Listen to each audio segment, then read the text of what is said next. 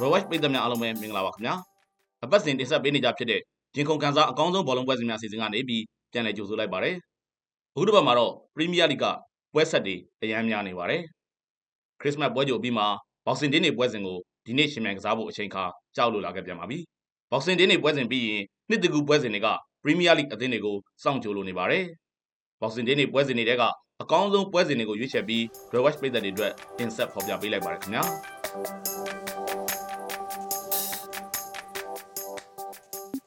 ဘန်လီလီဗာပူး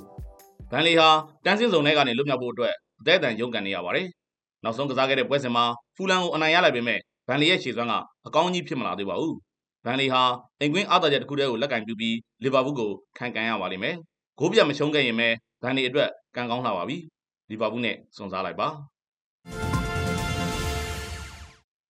ရှက်ဆီခရစ္စတယ်ဘဲလစ်ရှက်ဆီအတွက်နိုင်ပွဲတစ်ပွဲကအရေးပေါ်လိုအပ်လို့နေပါပြီ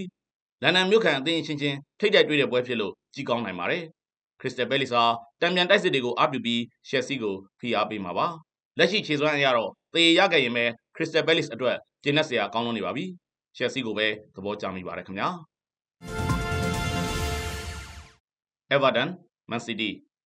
Everton ဟာရှုံးပွဲဆက်ဖို့အချိန်ခါစီပြန်အောင်လာခဲ့ပြီလို့ပြောရပါလိမ့်မယ်။ Man City ကလည်းပူပူနွေးနွေးကလပ်ကမ္ဘာဖလားချန်ပီယံဂုဏ်ပုတ်ကိုထုတ်ဖော်ပြသဖို့အတွက်ကြိုးစားလာတော့မှာပါ။ Everton ဟာအသင်းလိုက်ကစားတိုးတက်ကောင်းမွန်လာပေမဲ့အသင်းကြီးတွေကိုရှင်နိုင်စွမ်းမရှိသေးပါဘူး။ Man City ဟာ Arsenal နဲ့ Liverpool တို့ကိုဖိအားပြန်ပေးဖို့ကြိုးစားလာတော့မှသိကြနေပါတယ်။ Man City ကိုပဲအားပေးလိုက်ပါခင်ဗျာ။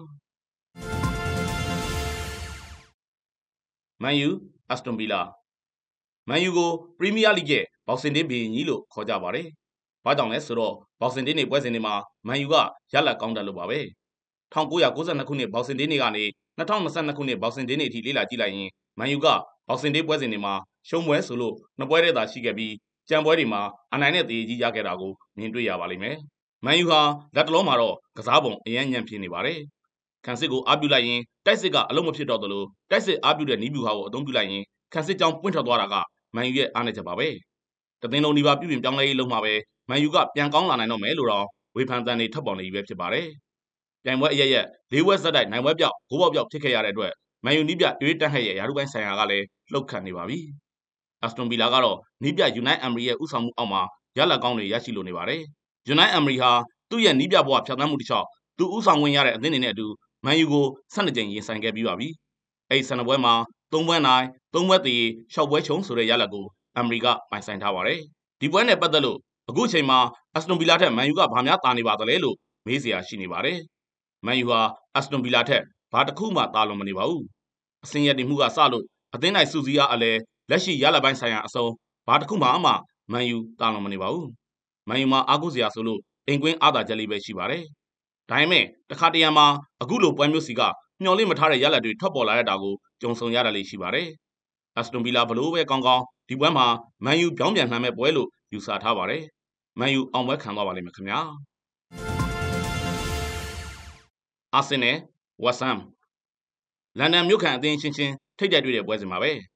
ဝက်ဆမ်အတွက်လည်းပွဲကြက်တဲ့စီကိုတိုးဝင်ရတဲ့ကာလဖြစ်နေပါတယ်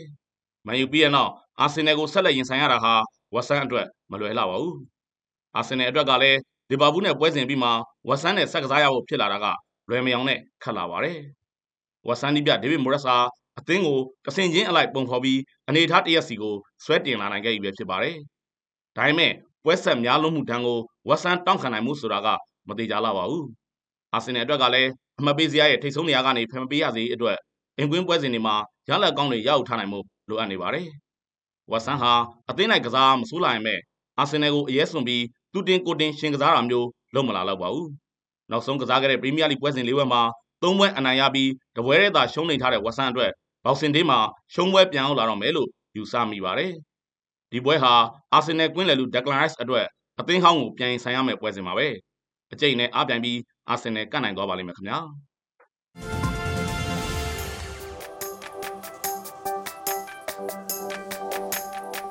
အခုဆိုရင်ဘောက်ဆင်ဒေးနေမှာရှင်မြန်ကစားမယ့်ပရီးမီးယားလိပွဲစဉ်တွေကအကောင်းဆုံးပွဲစဉ်တွေကိုရွေးချယ်ပြီး Roy Watch ပိတ်သက်တွေအတွက်သုံးသက်တင်ဆက်ပေးခဲ့ပြီးပဲဖြစ်ပါတယ်။ Roy Watch ပိတ်သက်တွေအားလုံးကံကောင်းမွေနဲ့စုံစည်းနိုင်ပါစေလို့လည်းဆုမွန်ကောင်းတောင်းပေးလိုက်ပါတယ်ခင်ဗျာ။